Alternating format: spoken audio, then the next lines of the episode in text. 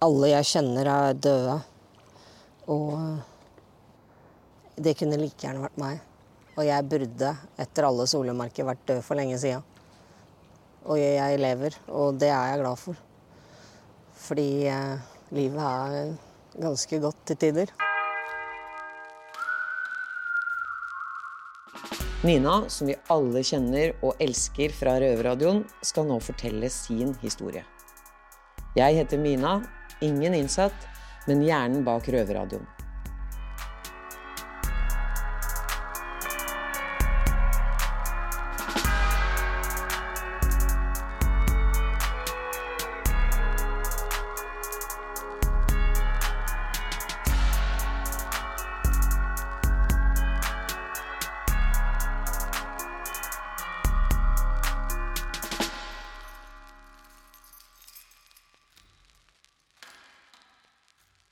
Historien begynner i hjemmet til Nina idet skumringen senker seg over Oslo.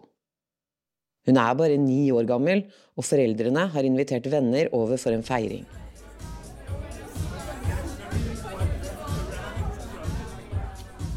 Lyden av latter og musikk fyller luften. Men for Nina virker festen uendelig lang.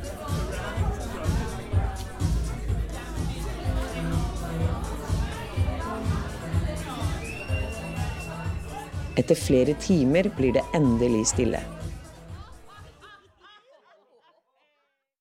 Nina lister seg ut i stuen. Hun møtes av et syn av halvtomme glass og spritflasker som ligger strødd utover stuebordet. Alle de voksne har falt i søvn, og hun er den eneste som er våken. Nysgjerrig og ensom går hun mot stuebordet og ser seg rundt. Med små hender griper hun tak i et glass med noen skvetter oppi, og heller det i seg.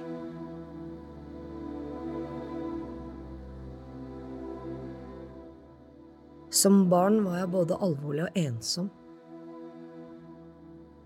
Jeg likte egentlig best å sitte med nesa i en bok, for det var en flukt for meg. De verden jeg leste om, var alltid så spennende og mye bedre enn min egen virkelighet. For jeg var ofte utrygg hjemme.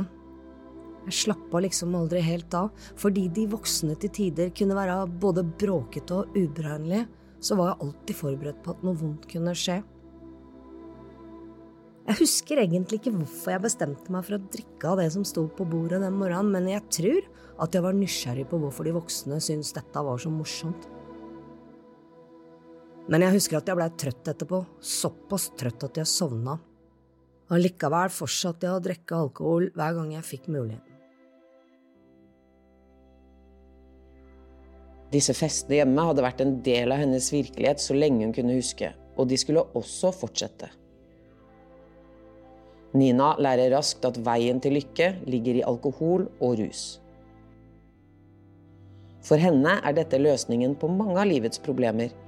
I det minste føler hun det slik. På skolen føler hun seg som en turist i virkeligheten. Medelevene vet hva som skjer hjemme. Deres verden er så annerledes enn hennes. Hun begynner å lete etter steder og miljøer hvor hun kan passe inn, og havner til slutt i Slottsparken i Oslo.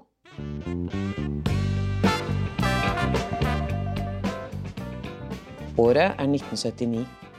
Folk er kledd i platåsko, fargerike jakker og sauepels. Hasj og fri kjærlighet rommer atmosfæren. Her føler hun umiddelbart en slags tilhørighet. Jeg følte meg fri, lykkelig og godtatt. Kjente meg ganske voksen også, selv om jeg bare var en drittunge, egentlig.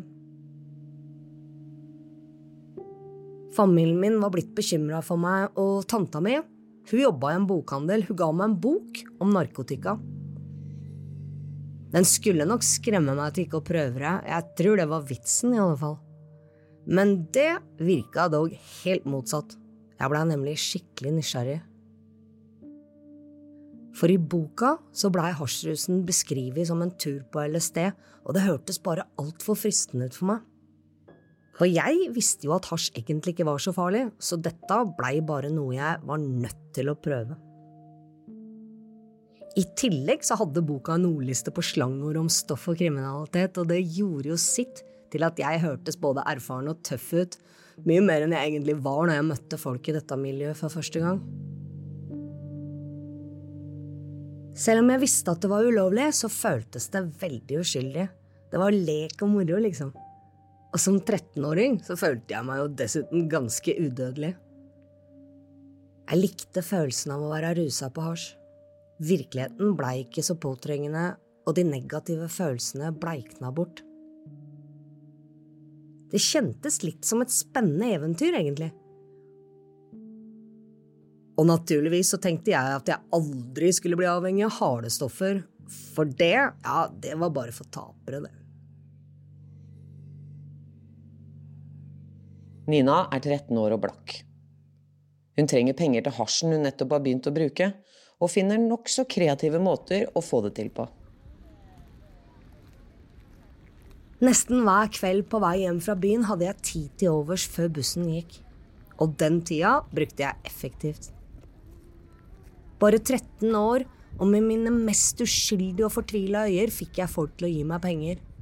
Jeg bare 'Unnskyld, kan du være så snill å hjelpe meg, eller? Jeg mista månedskortet mitt, jeg har ikke penger til bussen, jeg.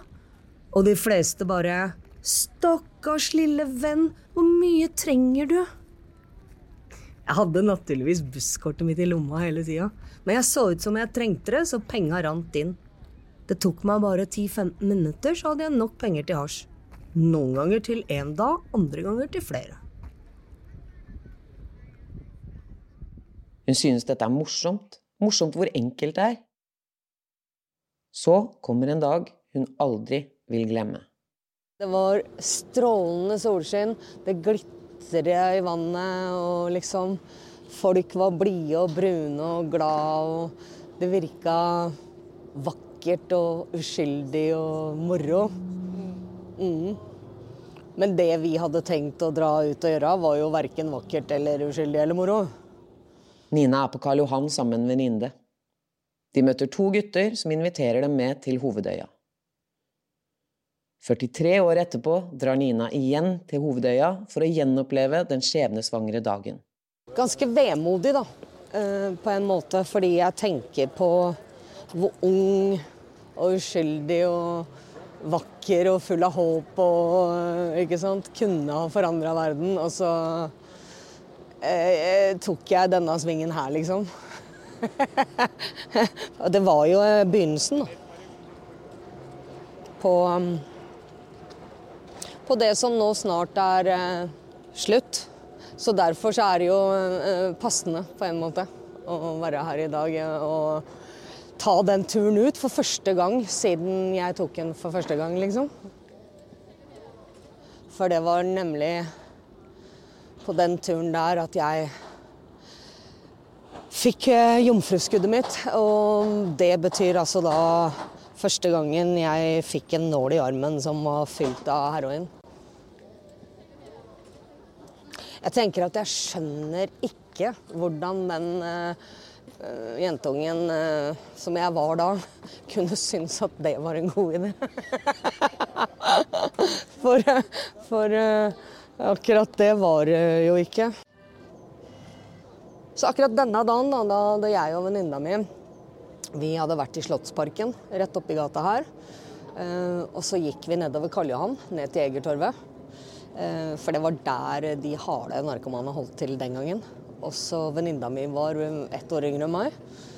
Og så traff vi et par eldre gutter der nede som vi kom i prat med, og dem skulle da ta denne båten vi står eh, på terskelen til å ta nå, ut til Hovedøya for å junke. Um, og da spurte de om vi ville være med, og det, det ville vi, da. Så som sagt, så gjort. Så da gikk vi gjennom munnen her og ned hit til brygga og tok båten ut til Hovedøya. Nå må vi borde, tror jeg. Ja, se på dette her. Det ser jo bare Nå siger vi inn her mot en vakker øy. Vi ser, jeg skal ta bagen her. Hvorfor eh, går ikke døren opp da? Å ja. Må trykke Takk for hjelpen. Jeg mener i hvert fall at vi på et eller annet vis Ja, og det er nok helt riktig min tanke om det, for på venstre side her så er det jo båthavn og sånn. Der var vi jo ikke. Fordi jeg har ikke vært her på alle disse åra. Og mitt minne sa at vi hadde fulgt på en måte strandkanten på høyresida etter at vi gikk av båten. Og det kan nok helt klart stemme med utlegning av øya. Det var på en måte fjell bak her sånn. Vannkanten ligger der. Det er svaberg. Jeg husker disse trappene her også. Det var her, vet du. Mm.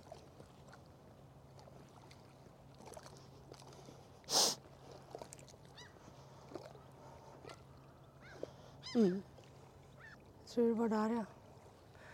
På den lille gressflekken der sånn, eh, rett ved trappa der. Og så var Vibeke og han eh, enten her eller Det var liksom jeg, litt oppi Kanskje der. Litt bort fra meg. Noen meter 40 vekk. Mm. Det er egentlig litt rart, men jeg husker altså ikke hva han het, han som ga meg det jomfruskuddet. Og det er egentlig ikke så vanlig, da. Eller det er ikke så veldig populært å sette første sprøyta på et barn, da. Det er ikke mange som driver og utøver den sporten der, for å si det sånn. Uh, så han, Men han er vel sannsynligvis ikke i live i dag. Han var jo eldre enn meg den gangen. Han var kanskje 20-åra. Kanskje så mye som 10 år eldre. Uh, kanskje mer òg. Kanskje 20-30-åra. Jeg er voksen. Og jeg var jo ung. Alle som er over 25 da, er jo gamle. Så han var jo mer eller mindre gammel. Men uh, for å ha hørt om han huska oss to, da. Meg og Vibeke.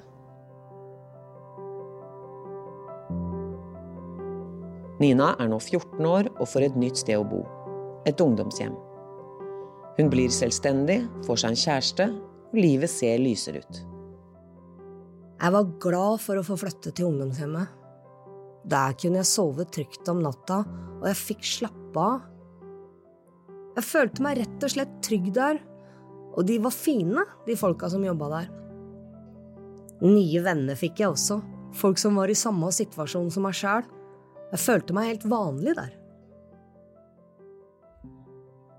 Etter ungdomsskolen begynte jeg å jobbe som postbu, og da fikk jeg egen hybel på ungdomshjemmet, bare 16 år gammel. Jeg var så stolt! Jeg følte meg voksen og selvstendig og betalte husleie, lagde mat og klarte alt sjøl. Livet var nesten perfekt. Men lykken varer ikke lenge. Hennes daværende kjæreste driver henne ut av ungdomshjemmet. Han blir gradvis mer voldelig, ødelegger Ninas trygghet, og hun må til slutt flytte hjem igjen. Ikke lenge etter at hun flytter hjem, faller hun tilbake. De neste 18 årene er preget av tungt rusmisbruk. Hun prøver stadig å bli nykter, men mislykkes gang på gang.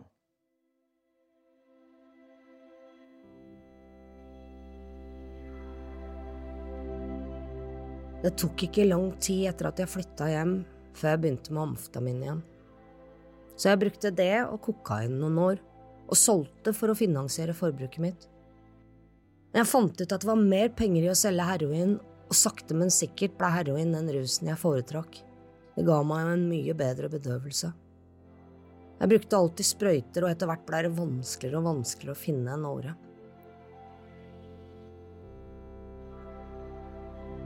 Det var ikke dette livet jeg ønska, så jeg prøvde flere behandlinger. Jeg var på Veksthuset og på Veslelia, Klarte faktisk å holde meg unna stoffet en stund, men suget, det var alltid der.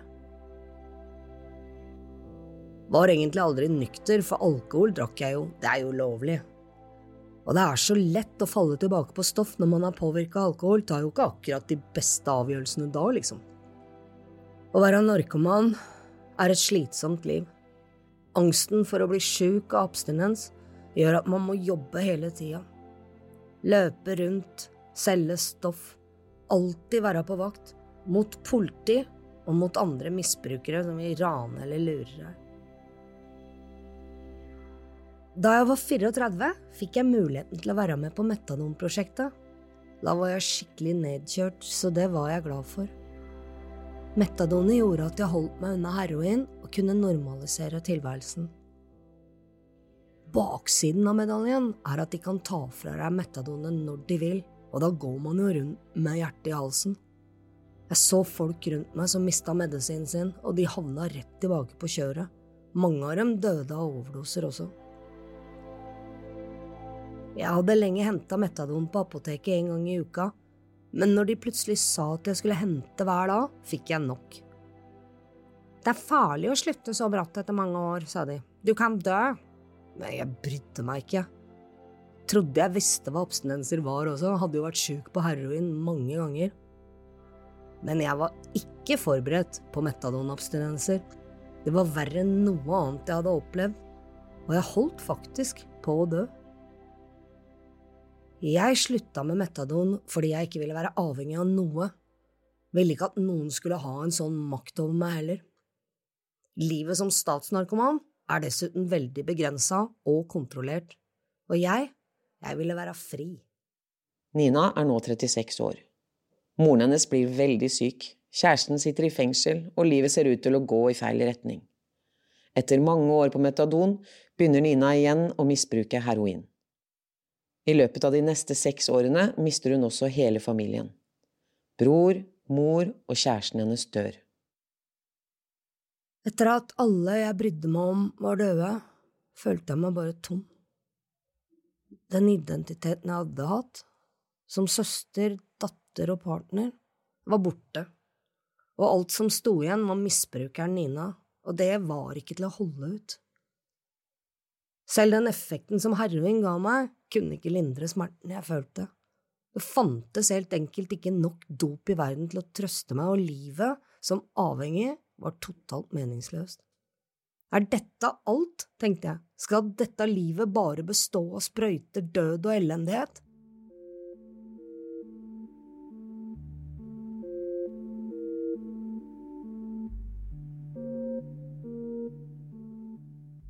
Med alle hun elsker borte, står hun alene og finner ingen grunn til å fortsette å kjempe. Hun booker seg inn på et hotell i Oslo bare for en natt. Hun har kjøpt inn alt hun trenger for å utføre dette i forkant. Hun henger på ikke forstyrr-skiltet på døra til hotellrommet. Hun forbereder seg på at dette er siste gang hun sovner.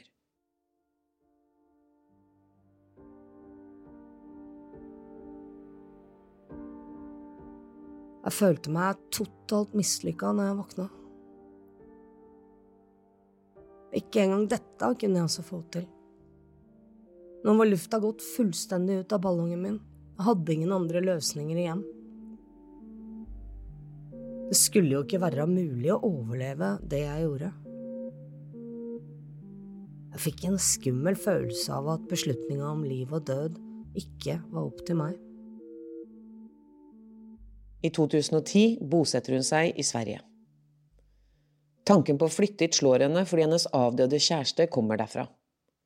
Det er et forsøk på å finne en tilhørighet igjen. Nina er nå 45 år gammel, og hun er avhengig av piller og alkohol hver eneste dag. Jeg var mer lost enn noensinne i Sverige. Dønn alkoholisert og båndløst fortvila. Jeg hadde det så dårlig at jeg drakk meg til blackout hver kveld.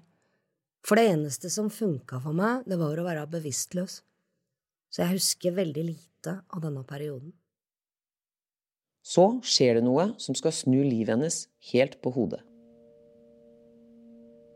I 2012 får Nina en fengselsdom på 18 år. Det er to voldsrelaterte dommer, en på seks år og en på tolv år. Hun blir satt i et svensk fengsel for å sone dommen.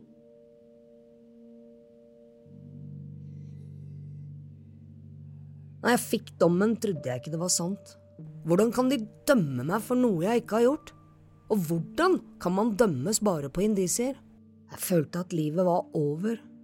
De kunne like gjerne dømt meg til døden. Jeg trodde faktisk av hele mitt hjerte at en dødsdom hadde vært bedre. Det var å foretrekke framfor å dø litt hver dag. Jeg så ikke muligheten heller til å starte et nytt liv etter en sånn dom. Det første året hadde jeg to–tre mulige utveier. Det ga meg trøst å vite at jeg hadde en løsning hvis jeg kom til et punkt hvor jeg ikke klarte mer. Etter å ha sonet to år på Ystad fengsel i Sverige, blir hun overført til Hinseberg. Etter kort tid settes hun på isolasjonscelle. Isolasjonens vegger er kalde og sterile. Hun har bare en liten madrass og et toalett på gulvet. Dager smelter sammen til uker, og uker til måneder. Det er få ting man kan få tilgang til når man er på isolat. To av tingene Nina vet de ikke kan nekte henne, er en bibel og et par briller. De hadde tatt fra meg alt, og de behandla meg verre enn et dyr. Maten blei servert på gulvet, og jeg måtte gå på do foran åpent kamera. Det var veldig nedverdigende og gjorde meg mer sinna enn noen gang. Jeg var bare nødt til å ta tilbake noe av makta, og jeg visste at det var én ting de ikke kunne nekte meg, nemlig en bibel. Så jeg fikk den, og akkurat det var en deilig følelse. Nå hadde jeg litt kontroll igjen, og tilværelsen var litt mer i vater. Nina er full av hat og bitterhet mot de som satt henne i fengsel, og systemet som nå forsøker å knekke henne. Hun lever av tanken på den hevnen hun en dag skal få. En av de første personene Nina møter når hun kommer inn i fengsel, er pastoren Stefan. Eh, det jeg minns, det er noen år siden, men det jeg minns er at hun var aggressiv. Hun var bitter og, och, och arg, ja, argsint. Ja, hon, hon, hon hade ganska mycket hat inom sig faktiskt mot allt och alla. Så jag, jag ska inte säga att jag var lite rädd för henne, men jag kan inte säga att jag uppskattade henne. Men hon ville ändå, hon, hon sökte ändå kontakt. Stefan husker deres første møte som om det var i går. Vi hade några samtal då, men jag, jag, jag tyckte att det var ganska, alltså jag hade inte mycket att bidra med för hon var så Eh, ja, allt hade gått henne emot och hela livet var trasigt. Hon var ganska ensam upplevde jag också. Hon var liksom... Och genom sin attityd då, eh, det här lite hård kvinna sådär som, som arg på allt, så kom hon ju snart i konflikt med personal og samtidig blev hon ju då lite ledare på bland tjejerna också då, för de tyckte, såg väl upp till henne med hennes liksom hårda stil då. Når man sitter isolert, er det kun presten som kan komme og besøke deg. Da vet jeg at jeg tenkte så her. Eh, for hun ble sittende der noen, noen uker, og jeg tenkte at jeg burde vel gå ned og høre hvordan hun, hun har det. Men mange blir jo mer aggressive når de kommer i isoleringen og enda mer eh, øser ut sin, sin vrede over kriminalvården, over anstalten, over personalen. Och, så jeg var litt redd å gå ned eh, dit. Men så tänkte jag, ska ändå göra, och en dag så, så fick jag möjlighet då, så tänkte jeg nu ska jag gå ner och ändå höra. Och då öppnar man bara en liten lucka på eh, några decimeter. Eh, och då, när jag öppnar luckan, så ser jag, för då, då tänkte jag, men nu, nu, nu kommer jag få höra skit också om, om prästen som kommer och aldrig har besökt den. och så ser jag en leende Nina och så ganska snart så säger hon, åh, typ jag, jag hade hoppats att du skulle komma eller ha väntat på dig. Och jag minns det ordagrant att hon säger så här, men nu kan man ju ha glömt detaljerna, men jag minns som att hon sa ehm, eh, det enda jag fick med mig hit var ett Nya testament, och nu har jag läst det och någonting händer med mig och så börjar hon gråta. Eh, och då kände jag direkt, här, här har hänt någonting liksom. Så jag sa, men Nina, nu är det någonting på gång och berätta för mig. Och så, så stod vi där och pratade en stund och då kände jag ju på hennes attityd mot mig att någonting hade hänt inom henne på något sätt. Stefan merker at Nina forandrer seg. Hun ønsker å leve et bedre liv. Hun ser et lys i enden av tunnelen. Hun har funnet troen. Forskjellen på Nina før og etter isolasjon er som natt og dag.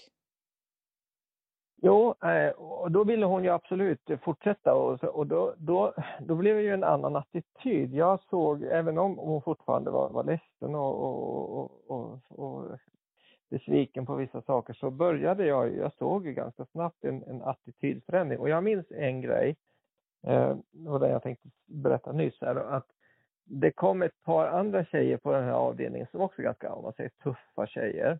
Och eh, speciellt den ena av dem, hon, hon var väl lite rival kanske då med Nina där. Och sen så hände den här upplevelsen och sen så en gång kom jag in på industrin och så ska Nina och jag träffas. Och vi sitter i ett rum liksom innanför så alla ser när vi går in i rummet och alla ser när vi kommer ut. Mm. Och då eh, när vi har pratat färdigt så går vi ut och jag är på väg att gå ut och så hör jag liksom bakom ryggen att den här nya tuffa tjejen går fram till Nina och då säger hon så här. Vad sitter ni och snackar? Varför snackar du med prästen om? Sitter ni och snackar om mig? Och lite provokativt sådär liksom. Eller varför, varför är du sån liksom vekling som går och snackar med prästen? Eh, och då tänkte jag, nu väntar jag lite så ser jag vad, vad händer liksom. Och då minns jag att Nina svarade ungefär så här, för, jag, det här kommer jag ihåg. Liksom. Då så, hon, hon backar inte undan utan hon går upp, ställer sig liksom öga mot öga mot den här eh, tuffa tjejen där och så säger han, du ska skita i vilken jag pratar med. Och om det är någonting du skulle behöva så är det både pastorn och Gud i ditt liv. Ungefär så där. Eh, någonting, eh, hon, hon sa det nog ännu skarpare, eh, men, men ungefär så här, lägg dig inte i vem jag pratar med och om det är något du skulle behöva så är det också liksom förändring i ditt liv. Det var, och då vet jag också att hon då uttryckte att, att det var jobb, alltså det här, det här vanliga skitsnacket och konflikten med personalen och så här, hon, hon börjar lida av det och nu kanske det har gått någon månad till här. Så att hon började känna att jag, jag vill inte vara med i det där längre. Jag, jag har ingen glädje att sitta och snacka skit och ljuga och, och, och, och liksom bara bråka på allt och alla.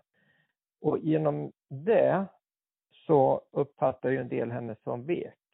Och som man liksom, jaha, hon har blivit religiös eller hon har sådär. Och det tror jag hon fick uppleva lite sådär, ja, att bli tykad för, man säger i Sverige, jag vet inte om man säger i Norge, men att man blir trakasserad för, man blir lite förlöjligad av de andra. Då, för då hade hon liksom klivit av sin, då kunde inte hon vara ledare för de andra för hon var inte längre den där elaka, argsinta bitchen. Etter å ha sonet syv år i Sverige søker hun overføring til Norge og havner til slutt i Bredtvet kvinnefengsel i 2019. Hun begynner å jobbe på Røverradioen ganske raskt etter ankomst, og har fortsatt å gjøre det siden. Jeg er Pernille og er på Bredtvet sammen med en ny røver her. Hei. Hei. Du heter Tina.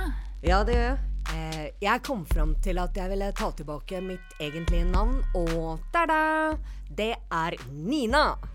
Velkommen til Røverradioen. Jeg heter Nina, og hvis dere syns at lyden er litt annerledes i dag, så er det fordi at jeg ikke sender fra studio på Bredtvet uh, høysikkerhetsfengsel.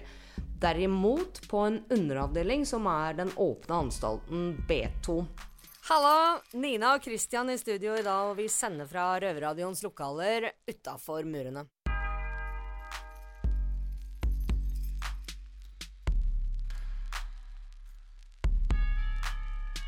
Nei, Nina, nå får du komme og sette deg her ved mikrofonen. Eh, vi må prate litt. Ja, ja. Alt i orden. Jeg kommer. Første gang jeg traff Nina, så var det på, på Bredtvet. Det var et arrangement inne i kirken der hvor det var masse folk og jeg husker ikke hva arrangementet var, ja, men jeg så et sånt lite bustetroll som drev og gikk fra bord til bord. Håret stakk rett opp, og det så ikke ut som hun klarte å sitte stille eller stå stille i to sekunder engang. Og da ble jeg så sykt nysgjerrig. Så da gikk jeg bort og så sa jeg, 'Hvem er du, da?' Og så sa du 'Mina Helene!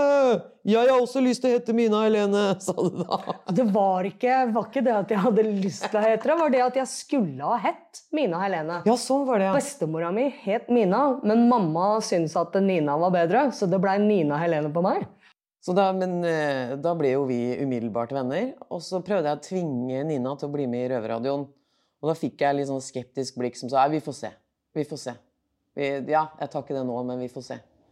Og så ble Nina med i Røverradioen, og nå føler jeg at jeg har vært med på en vanvittig reise, Nina.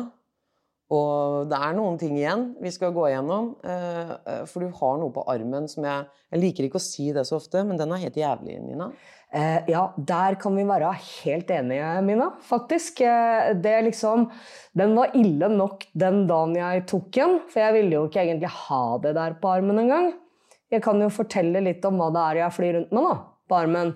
Og det er altså da Det er tre aper en, som holder seg vekselvis for ørene, munnen og, og øynene, sånn at det betyr eh, sikkert noe veldig spirituelt i Ja, ja, ja. noen religioner. Eh, For meg så betydde det bare en videreføring av gangsterlivet mitt. ikke sant? Du er ikke noe tyster heller. altså Med andre ord, du forteller ikke politiet noen ting. Så jeg har ikke noe vondt sett, hørt eller sagt. Sånn er det med den saken. Og det anså jeg som den gode sida av meg, da. Men så var jeg jo sammen med en tulling på denne tida som på et eller annet tidspunkt plutselig For vi var enige vi skulle ha matchende tattos med disse tre apene. Men plutselig, i tattostudio, så bestemmer han seg huksens flux for at han vil ha tre seksere da, under de tre apene. Ja. Og tre seksere i bibelsk sammenheng står for jævelen, rett og slett. Det er the number of the beast. Det er liksom ikke noe særlig bra eh, tallrekke å fly rundt med på kroppen. Og jeg ville ikke den gangen, selv om jeg ikke hadde noe tro. Eh, men han, det var 40 grader varmt, det var i Spania, og han maste og fyllesyk var jeg og sliten. Og jeg ville nå en gang ha en tatovering, eller jeg, jeg, jeg kom meg ikke ut av det, så jeg bare ta det, da. ja, det er det man gjør til slutt. Jeg har noen sånne, jeg òg. Men din er verre. Ja, eh, så liksom de første åra før jeg blei kristen, så betydde det bare at jeg hadde et tvilling. Jeg. Så det er to sider av meg. Du kan få apene, eller hvis du er en kødd, så kan du få den andre sida. Ikke noe mer enn det. Men eh, nå betyr det jo bare helt noe for jævlig, og jeg vemmes hver gang jeg ser meg sjøl i speilet, rett og slett. Det er helt jævlig å se på. Det, og den følelsen der, den skal du bare slutte å ha, fordi nå kjører vi cover-up. Nå skal vi få det bort, og få det til å bli noe vakkert isteden. Okay? Det høres ut som en megaplan. Let's go! Hei! Hei sann. Dette er Nina. Hei, hei. God dag, Nina. Hei. Ja, Det er jo liksom din uh, surprise i dag. Ja. ja Og det er veldig, veldig flott. Jeg tror det blir noe veldig fint som Nima har uh, lagd til meg. Ja. Som er eh, både litt farger og Det er eh, viktig å tenke positivt, så det blir for Fordi alle følelser Ja, går i tatoveringen. nemlig. Tenk bare på gode ting, så du får gode Ja, minner i tatoveringen. det er jeg helt eh, enig med deg i. Det er det jeg Ja. gjør òg. Derfor man tatoverer. Ellers resten er bare tull. Ja, det har du rett Ja. i. ja. Og det som du dekker over her nå i dag, det var ikke noe bra tanker eh, som lå i den der tatoveringa der fra før. Så, så nå kvitter vi oss med det gamle og går videre inn i det nye. Ja, Nina, han var jo ikke akkurat så streit, han som tatoverte deg heller. Dere, dere hadde noe lik erfaring, var det sånn? Ja, det viste seg jo det, da. Og akkurat det var jo litt, eh, det var jo litt artig, da. Han hadde jo røyka hasj og gjort eh, diverse ulovligheter, i hvert fall som var ulovlig i Iran, da. Og, og endte opp i fengsel, han også. eh. Men han var en skikkelig fin fyr, og jeg er bare veldig lei meg at jeg var 20 år yngre der, da. ikke titt sånn på meg, da, Mina. Ja, så åssen var det du kom til Norge da? Mm. Kan du Formulere spørsmålet litt annerledes. Ja, det var, det var litt uh... Når du eh, dro fra Iran, um, hvordan eh, var det å komme til Norge da? Hvordan, hvordan kom du til Norge? Vanskelig. Vanskelig? det var vanskelig. Ja. Men ja, jeg, jeg, jeg vet ikke om uh, ingenting som hvor jeg skal uh, gå, og hva er Hvordan er Norge? Så jeg var ikke klar til uh, kaldt vær. Men, Også- også men, tenkte, men var det vanskelig å passere grensa da? Hvilken grense var det du passerte her nå? Det var Det var Kirkenes.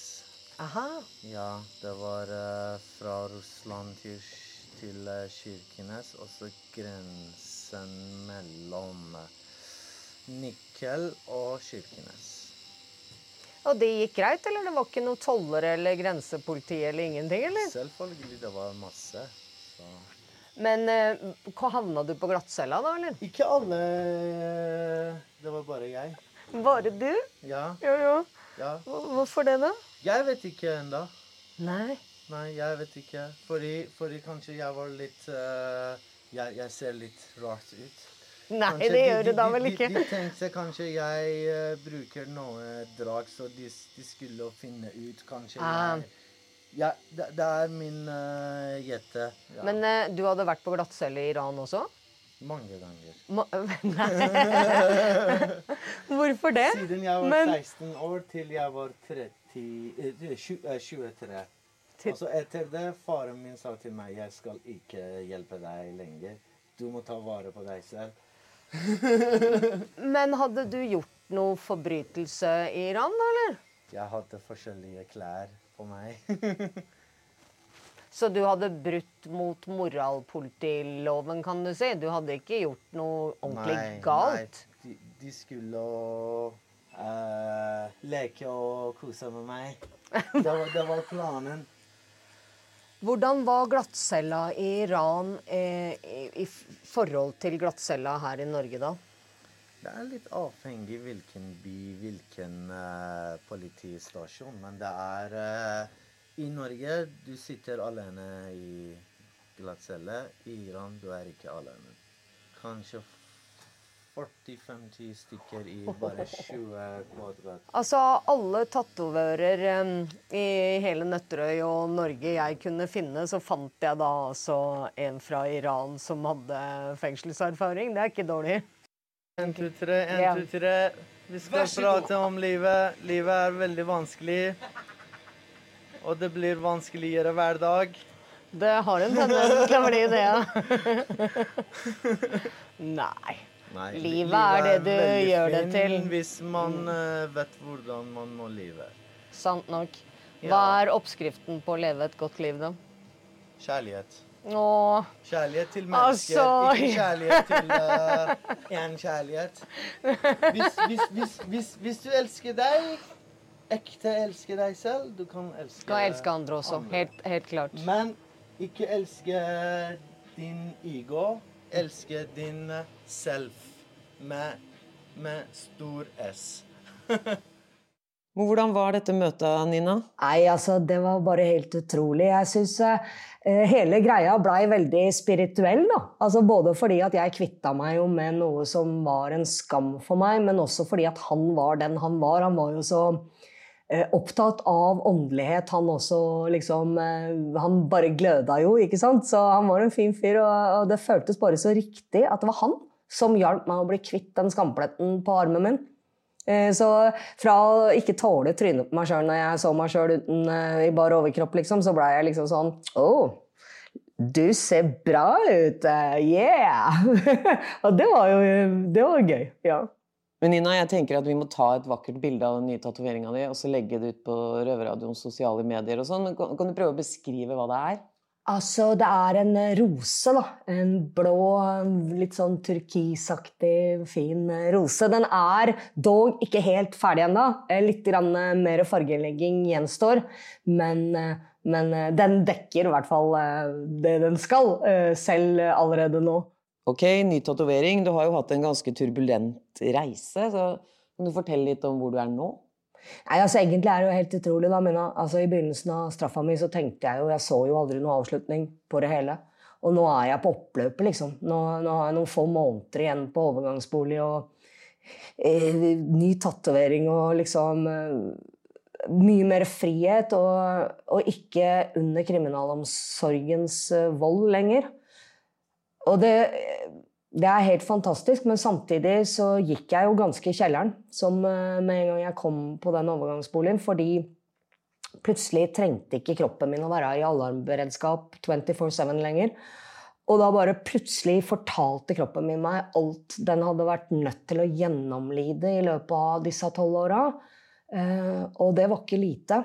Så, men eh, nå har jeg jo bodd der noen måneder, og nå, nå begynner jeg å komme over det igjen. Og så bare er jeg veldig glad og takknemlig for Frelsesarmeen og den overgangsboligen de eh, har til rådighet der. Mm, faktisk. Men eh, hva er planen framover, da? Hva er det neste skrittet for Nina? Nei, Ærlig talt eh, så har jeg ingen anelse hvor veien går videre. Men det eneste jeg veit, det er at jeg, det, det, eneste som er 100 viktig for meg, det er å fortsette å være rusfri. Og foruten den rusfriheten så er ikke noe annet av alt det gode jeg opplever, mulig. Og for å klare det, så er jeg nødt til å fortsette å holde meg nær Jesus, eh, rett og slett. Fordi det er han som gir meg kraft til å klare alt. Det er, det er bare sånn det er. Det han har gjort for meg, er bare et mirakel, og, det kommer jeg aldri til å glemme eller, eller eh, la liksom bleikne for meg. Nina, mens vi har drevet og laga den podkasten her, den episoden her, så, så, tenkte jeg det hadde vært litt kult med noen barndomsbilder av deg, eller noe sånt som vi kunne lagt ved sendinga, så folk kunne sett hvem denne vakre, lille personen er og var. Men du har ikke noen bilder, eller? Nei, det har vært en av de store sorgene mine gjennom hele denne soninga. Og det, det, forsvant faktisk før jeg ble putta i fengsel. Det var satt på et lager, alle bildene mine, hele barndommen min, alt. Eh, alt. Og så blei det lageret tømt ved en feil. Så jeg har ikke noe dokumentert forhistorie overhodet. Historien min begynner i, i tre, sommeren i år, i, i 2023. Egentlig 21, men den telefonen gikk i stykker. Så da mista jeg to år med dokumentasjon der, da. Så nå har jeg fra sommeren. Men så under over alle under, akkurat her i forrige uke, så fikk jeg kontakt igjen med, med et menneske som kjente både mamma og meg eh, gjennom en årrekke, og som har mange bilder av oss sammen. Så det er mulig nå at, at det kommer til å ordne seg litt der. Da. Det er jeg veldig glad for. Det er helt utrolig. Det er, ja, Takk. Får håpe du får noen bilder, da. Men hvis du ikke får det, så syns jeg du skal tenke på alle de kleine øyeblikka vi alle andre må, må lide oss gjennom. Av fjortisbilder med stålugg og sånn sminkekant på haka. Og, altså det, det slipper du i hvert fall, da. Ja, jo, men jeg hadde jo ikke sant? Var, jeg hadde jo et helt liv selv om jeg har vært en uh, rusmisbruker. Da. da hadde jeg jo ikke sant? fallskjermbilder, jeg hadde dykkebilder, jeg hadde barneboka mamma hadde lagd om meg. Og, ikke sant? Jeg hadde masse dokumentasjon på at jeg faktisk um, hadde hatt et liv, da. Det er så rart å plutselig stå der og liksom Greit at jeg, Gud er en ny skapning, altså, men, men, det får jo være grenser. Det er jo ikke sånn at jeg overhodet ikke har med meg noe fra fortida heller. Så ja, nei, det blir veldig spennende å se om det løser seg, dette her. Jeg gleder meg. Og du vet, Nina, alle røvere i Røverradioen blir jo bedt om å skrive et brev til seg selv som 13-åring, hvor du liksom hva du har lært etter du var 13, da, som du kunne tenkt deg å sagt til deg sjøl. Og jeg vet du har skrevet, uh, skrevet, et lite brev, og det Ja, jeg kan jo Jeg gjorde jo det, da. Men uh, ja. Ok, jeg prøver. Kjære Nina. Jeg tror at du veit at du er voksen og kan det meste, og at du er i stand til å gjøre fornuftige valg. Eh, det er du ikke. Jeg veit at du hata å høre 'Vilja di ligger i lomma mi', Nina. Det som mora di pleide å si til deg når hun var barn. Men Nina, det er ikke så dumt å høre på mora si fra tid til annen. skjønner du? For det at det du sjøl vil, det er sannsynligvis ikke så bra for deg. Den veien du går på nå, kommer til å gi deg masse smerte og elendighet. Og det finnes andre måter å leve på. Så slutt med rus, gå mer skole og finn deg venner som har skjønt hva som er viktig i livet. For det A4-livet du forakter så sterkt og tror uh, er så veldig kjedelig, ja, det er faktisk rikere enn noe du kan sammenligne med i dag. Følg hjertet ditt, tro på deg sjøl og vite at du er elska, at du er Guds barn. Gjør dette, så er det umulig å si hvor langt du kan nå. Jeg har frysninger fra hodeskalpen og ned til venstre stortå. Tenk om jeg kunne hørt dette brevet! Faktisk. Ikke sant? Ja, men det er noen andre som skal gjøre ja, det. det som er, er 13 år, og som ja. står der og bare 'jævla strøytinglivet' og ja, ja, ikke sant? ja, for jeg syns jo det. ikke sant? Det var jo det selv. Ja, ja, og nå, nå ville jeg jo gitt fucken ene armen for et A4-liv, egentlig. ikke sant? Ja, ja, men det Så. er ingenting som er et A4-liv, men i hvert fall et liv Det er en annen side av saken, ikke sant? men et mer enn normalt liv. da. ikke sant? For eksempel så har toget gått for meg. Jeg kommer aldri til å kunne få barn eller barnebarn eller oppleve noe av det som faktisk Jenta mi, du er tante. Og Henry snakker om det hele tida. Nå begynner jeg å grine nå. Kommer Nina, mamma!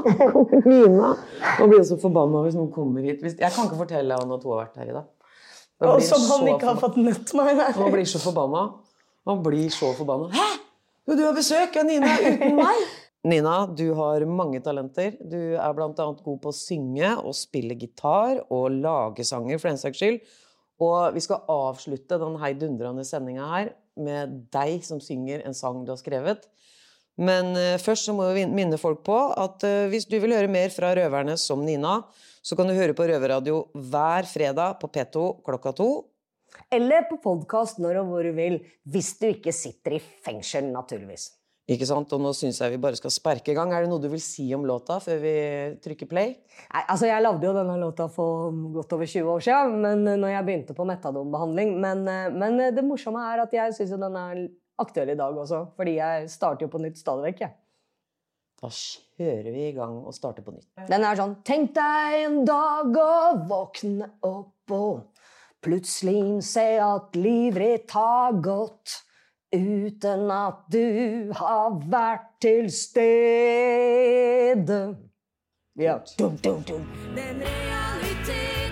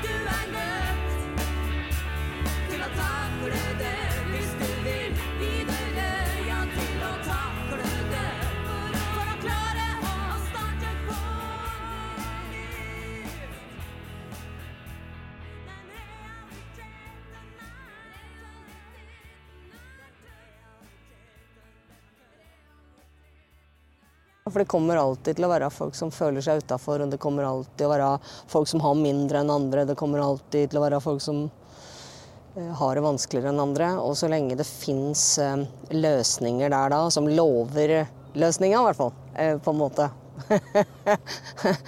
så kommer jo unger som meg alltid til å la seg lokke, kanskje. Jeg håper jo Jeg håper eh, at hvis noen hører At eh, noen tenker seg om.